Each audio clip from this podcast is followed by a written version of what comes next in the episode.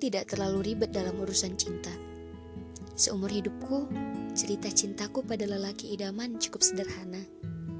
Tidak pernah ada kata patah hati selama aku mencintai dia. Bahkan sebaliknya, tiap ketemu sama dia, aku sering merasakan jatuh cinta. Tidak pernah bosan, bahkan selalu indah. Baru ini aku merasakan jatuh tapi mendebarkan. Sangat luar biasa Tuhan menciptakan nama cinta. Bagaimana mungkin aku bisa patah hati karenanya yang tidak pernah berkata kasar denganku, tidak pernah melukaiku, bahkan bertemu langsung berjarak 5 meter saja, itu tidak mungkin rasanya. Dia adalah seorang santri satu tingkat di atasku yang tegas, berwibawa, dan tampan. Aku akui ketampanannya ketika aku melihat dari barisan saf wanita dan dia berdiri jauh di dekat mimbar dalam sebuah masjid nan gagah. Malam itu sehabis Isya, kami berkumpul mendengarkan ceramah di Masjid Al-Jami.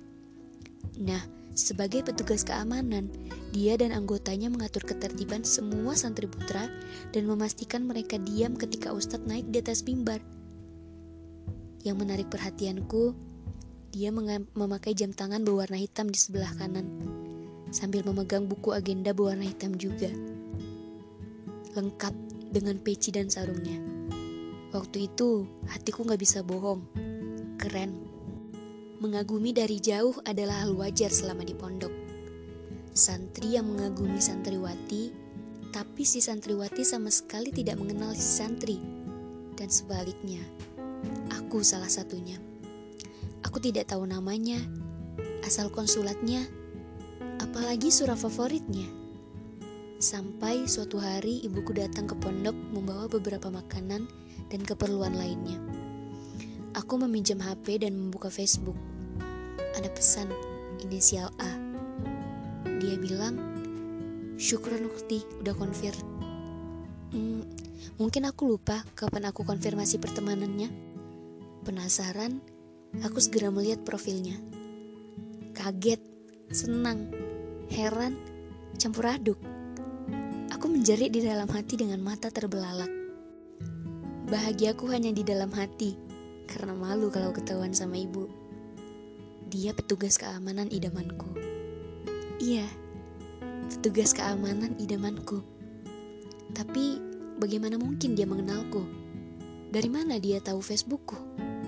Atau ini hanya kebetulan? Ya, mungkin kebetulan. Seolah otak dan hatiku sedang berbincang Apakah aku dan dia dijodohkan Tuhan lewat Facebook dan jam tangan hitamnya? Doain aja. Setelah dua bulan, aku baru mengetahui kalau dia adalah adik dari ustazah pembimbingku. Aku merasa semakin dekat dengannya. Aku semakin yakin kalau dia adalah lelaki yang baik, karena kakak dan adiknya juga seorang santriwati yang baik. Memang benar kata Ustadz, kalau wanita sudah mencintai, rasa ingin memilikinya pasti sangat kuat. Buktinya, pikiranku sudah hanya ingin menjadi calon ipar dari ustazah pembimbingku. Allahumma sholli ala Sayyidina Muhammad. 28 Agustus 2018 Aku dipercaya menjadi petugas keamanan pesantren. Jabatan yang sama dengan Aki itu sudah membuatku sangat senang bisa merasakan apa yang dirasakannya juga. Aku harus bisa terlihat tegas, berwibawa, dan anggun tentu saja di depan adik-adik santriwati. Aku juga harus bisa membagi waktu antara belajar, amanah, dan berkumpul dengan teman-teman. Apalagi aku, kalau sudah berkumpul, bisa terlena untuk tidak menghafal pelajaran. Aku tidak mau jabatan keamanan menjadi alasan nilaiku nanti rendah. Itu satu hal yang mengecewakan. Waktu itu, sehabis sholat asyar, Aku naik sepeda pulang ke asrama. Tidak sengaja mataku melihat pada seorang lelaki yang sepertinya aku kenal.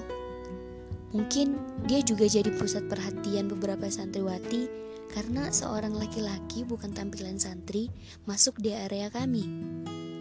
Jaket merah, rambut ala-ala Zain Malik, memegang handphone casing berwarna hitam di tangan kanannya. Siapa laki-laki yang sedang bersama sejak membimbingku? Atau jangan-jangan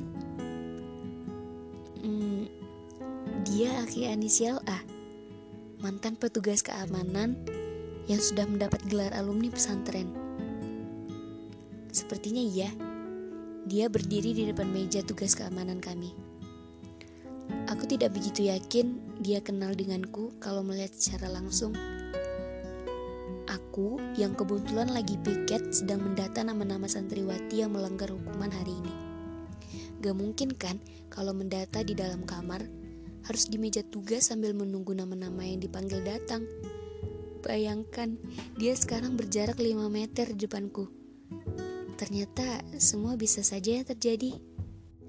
Sekitar 15 menit aku mendata satu persatu santriwati yang melanggar. Bisa saja di 4 menit terakhir dia sudah pergi dari tempatnya. Aku melihat ke samping kiri sudah tidak ada jaket merah. Nah, dua hari setelah itu, ibuku datang lagi untuk ketiga kalinya dalam bulan ini. Aku salam, cium, duduk, makan dan bercerita. Tidak lupa sama handphonenya. Facebook, Messenger, inisial A. Dia bilang, Assalamualaikum. Alhamdulillah yang udah jadi bukti petugas keamanan. Kemarin gak sengaja Ana lihat di bawah, di depan Diwan Anti, nanti lagi piket.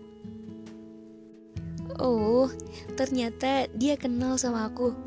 Aku balas. Oh ya? Ana juga lihat antum loh kemarin. Tapi Ana lagi sibuk karena banyak santriwati di depan kamar. Udah, aku bilang itu aja. Kalau kebanyakan takutnya salah ngetik. Kapan lagi antum ke pondok?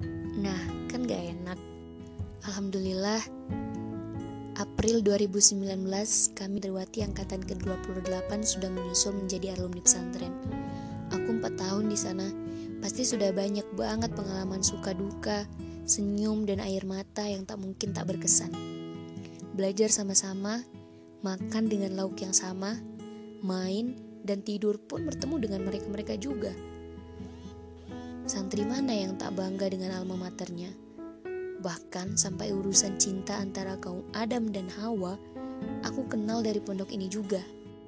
Mungkin untuk sebagian orang menganggap cerita cintaku sederhana sekali, tapi memang benar, sangat sederhana membuat jantungku hampir tidak pada tempatnya. Akhi inisial A. Aku harap kamu tidak dengar ini. Aku malu jika kau tahu kalau selama ini sudahlah. Mudah-mudahan di dalam doaku tidak berubah nama. Allah yang tahu antara kau dan aku. Untukmu, ana buka kaifa makunta.